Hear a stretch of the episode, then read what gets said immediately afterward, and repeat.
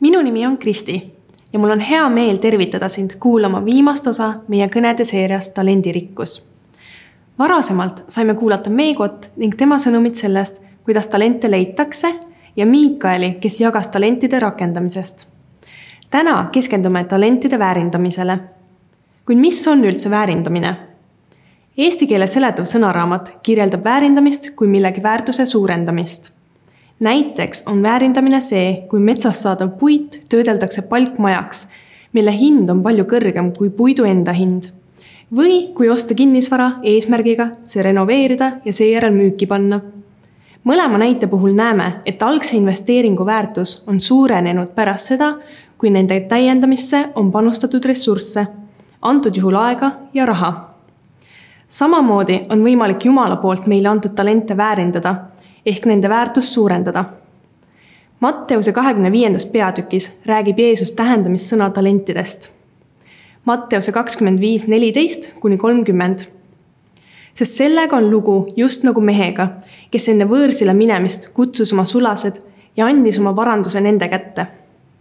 ühele andis ta viis talenti, teisele kaks ja kolmandale ühe, igaühele tema suutlikkust mööda ning läks ära võõrsile kohe läks see, kes oli saanud viis talenti ja kauples nendega ning sai teist viis. nõnda samuti ka kaks talenti saanu sai teist kaks juurde. aga kes oli saanud ühe, läks ja kaevas maasse augu ning peitis ära oma isanda raha. mees, kes võõrsile läks, on Jeesus ning sulased, kelle kätte ta oma varanduse annab, oleme meie. nagu Meego juba rääkis meile seeria esimeses osas siis püha vaim jagab talentide suhtes igaühele eriosa, nõnda nagu tema tahab. kuid see, mis me nende talentidega pihta hakkame, on meie enda otsustada. jätkame tähendamissõna lugemisega. pika aja pärast tuli nende sulaste isand koju ja nõudis neilt aru. siis astus ta ette see, kes oli saanud viis talenti, lisas sellele teist viis talenti ja ütles. isand, sa andsid mulle viis talenti ennäe, ma olen saanud teist viis talenti. ta isand lausus talle, tubli, sa hea ja ustav sulane. sa oled olnud ustav pisku üle, ma panen su palju üle. mine oma isanda rõõmupeole. ka kaks talenti saanu ütles ette astudes, isand, sa andsid mulle kaks talenti. ennäe, ma olen saanud teist kaks talenti. ta isand lausus talle, tubli, sa hea ja ustav sulane. sa oled olnud ustav pisku üle ma panen su palju üle. mine oma isanda rõõmupeole. siis astus tema ette ka see, kes oli saanud ühe talendi ja ütles. isand, ma tean, et sa oled vali mees. sa lõikad sealt, kuhu sa ei ole külvanud ja kogud sealt, kuhu sa ei ole puistanud. ja ma kartsin, läksin ära ja peitsin sinu talendi maa sisse. vaata, siin on sinu oma tema isand aga vastas talle, sa halb ja laisk sulane sa teadsid, et ma lõikan sealt, kuhu ma ei ole külvanud ja kogun sealt, kuhu ma ei ole puistanud.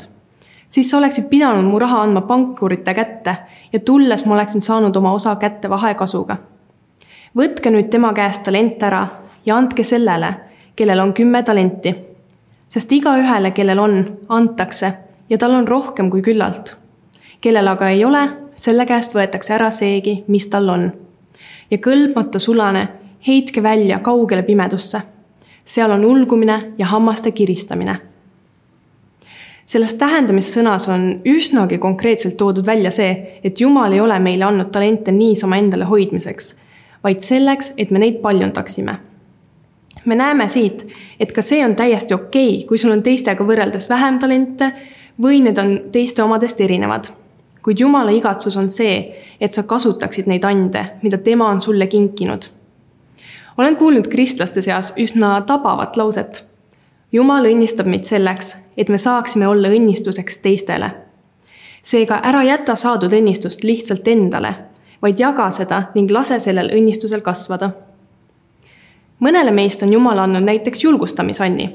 kui seda mitte kasutada, siis oleme justkui see sulane, kes sai ühe talendi ning mattis selle maha kuid kui seda kasutada ning julgustada inimesi enda ümber, siis võime mängida olulist rolli kellegi eluteel ning selle kaudu paljundada oma talenti.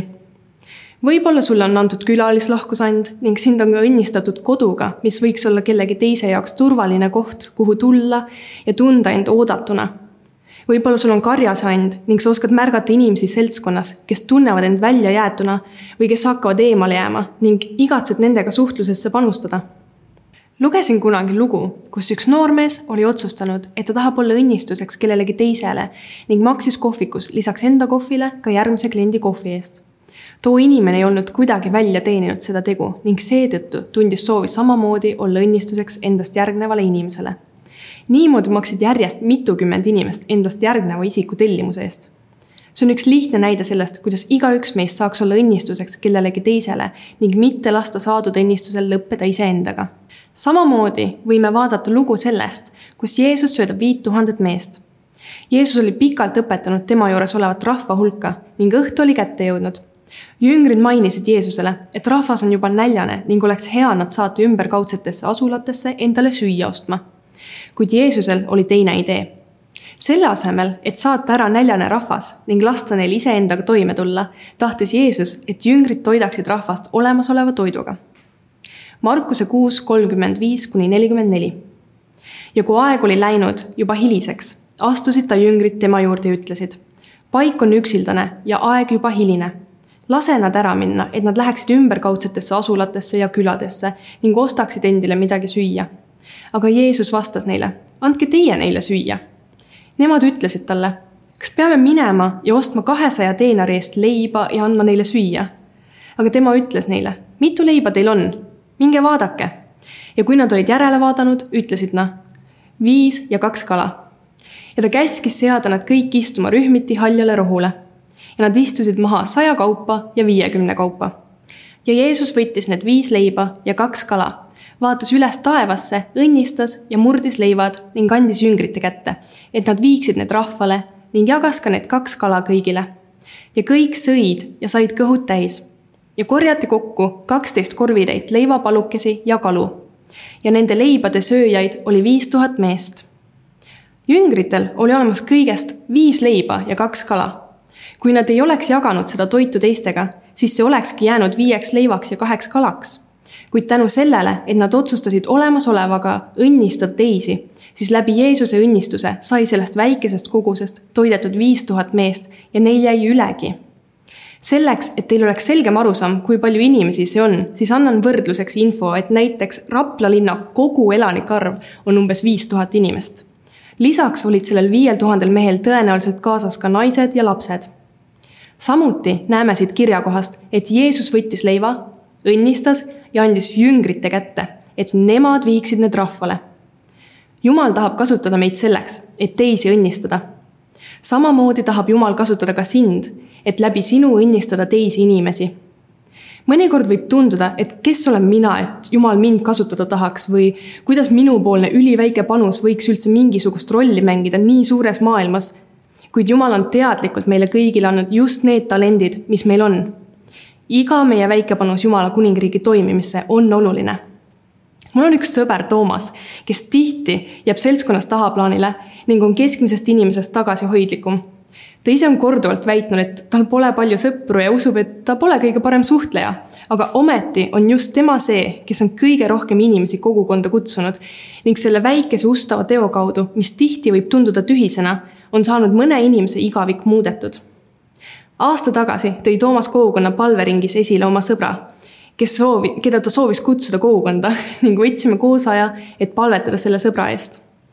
paar nädalat hiljem jõudiski Toomase sõber esimest korda kogukonda ning tänase seisuga on ta oma elus teinud suure pöörde ja on üks püsivaim kogukonnas käijaid seega ära kunagi alahinda neid väikeseid tegusid, mida saad teiste heaks teha kuid talendid, millega Jumal meid õnnistanud on, ei ole ainult oskused, vaid need võivad ka olla finantsid. kuulsin alles hiljuti lauset, et jah, raha ei tee õnnelikuks, aga raha äraandmine teeb. Harvardi ärikooli professor Michael Norton koos kolleegidega leidis kahe tuhande kaheksandal aastal, et nende poolt läbiviidavas uuringus osalejad olid rõõmsamad raha kellelegi teisele andes kui enda peale kulutades. usun, et paljud, kui mitte kõik meist on kunagi kogenud sellist andmise rõõmu ka enda elus. Kristlastena teame ka seda, et Jumal on kutsunud meid andma kümnist ehk kümme protsenti oma tuludest tagasi Jumalale. tihti võime me kristlastena sassi ajada kümnise ja annetuse. kui me vaatame piiblisse, siis me näeme selgelt, et kümnis on see, mis kuulub Jumalale ning annetus on see, mis ületab kümnist. näiteks saame lugeda Malaki kolmandast peatükist salmidest kuus kuni kaksteist kümnise toomisest. sest mina, issand, ei ole ennast muutnud ja teie, Jaakobi lapsed, ei ole otsa lõppenud.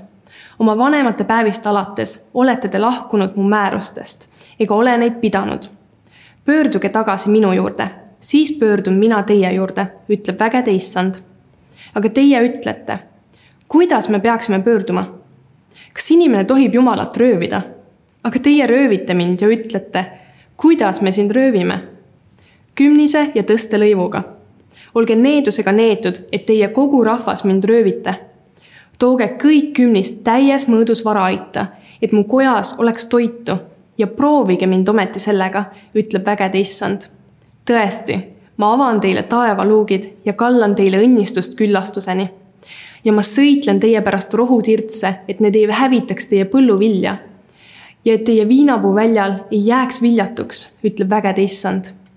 Siis kiidavad teid õndsaks kõik rahvad, sest te saate ihaldatud maaks, ütleb vägede issand. seega, me lausa röövime Jumalat ehk võõrandame tahtevastaselt tema omandit, kui me ei maksa talle kuuluvat kümnist. siinkohal soovitan kuulata Allan Krolli kümnise teemalisi jutluseid, mille leiate Valguse tee vabakoguduse kodulehelt.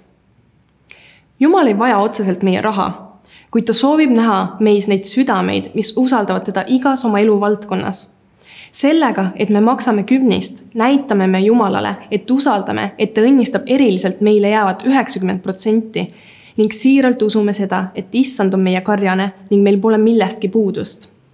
lisaks saame me tänu kümnise maksmisel ehitada koos oma kogudusega üles Jumala kuningriiki. näiteks, kui sa annetad aasta aega iga kuu kolmkümmend neli eurot, saab selle eest filmida umbes kolm õpetusvideot, mis võivad jõuda inimesteni, kes isegi ei tunne veel Jumalat.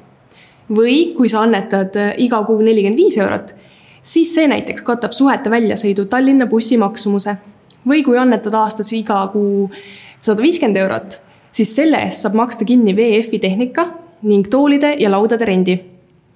samal põhimõttel toimib ka meie ühiskond, kus meil on maksud, mida peame riigile maksma oma tuludelt. Selle eesmärk ei ole lihtsalt inimesi vaesemaks teha, vaid ühiskonda üles ehitada.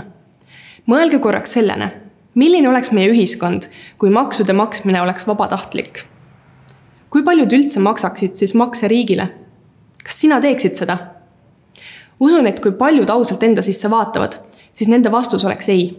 Aga ometi me kõik tahame, et meil oleks korralikult asfaltteed ilma aukudeta, et me saaksime tasuta haridust ja arstiabi, et meil oleks turvaline riik, kus toimib politsei, päästeamet ja kaitsevägi, et meil oleks tänavad valgustatud ja bussi oodates katusealune, kus seista peidus vihma eest.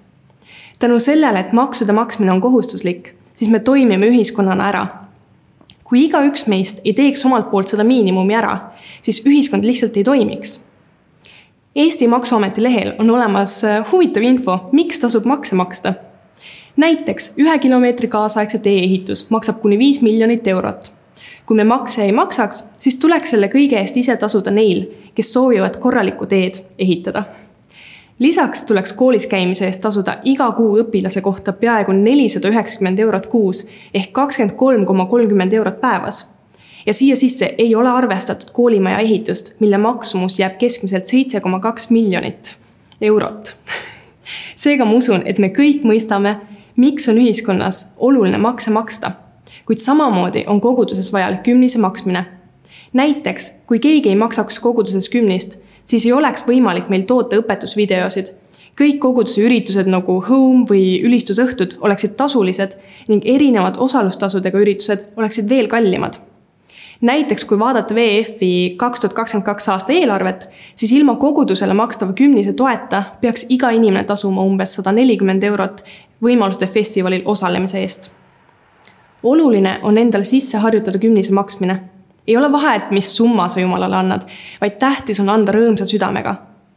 Mäletan selgelt, kuidas kunagi üks kogukonna liige jagas sellest, et enne kümnise kogudusele ülekandmist võtab ta hetke ja palub õnnistust sellele rahale ning tarkust kogudusele seda raha õigetes kohtades kasutada. minu jaoks oli see suureks eeskujuks ning olen üritanud ka ise seda meeles pidada ning mõnikord enne kümnise maksmist võtta väike hetk ja palvetada ja lõpetuseks ma tahaksin jagada teile loo sellest, kuidas mina olen enda elus tekitanud kümnise maksmise harjumuse. Alustasin kümnise maksmist ajal, kui olin tudeng ning ei käinud isegi tööl.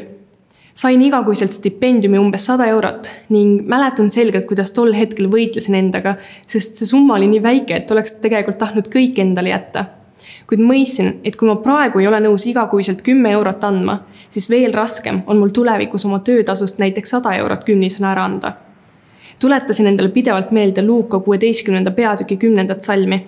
Kes on ustav pisimas, see on ustav ka paljus. ja kes on ülekohtune pisimas, see on ülekohtune ka paljus. seega tegin igakuiselt otsuse, et olla ustav pisimas, et suudaksin tulevikus olla ustav ka paljus tänan sind, et võtsid aja kuulata neid mõtteid ning siiralt loodan, et võtad hetked väga ausalt vaadata oma elu peale ning analüüsida, kas sina oled Jumala poolt antud talente väärindanud oma elus või oled sa need lihtsalt maha matnud. Isegi kui sa tunned end ära selles viimases kirjelduses, siis ära heida meelt. võid juba täna võtta oma südames vastu otsuse, et õppida oma talente tundma, neid rakendama ja väärindama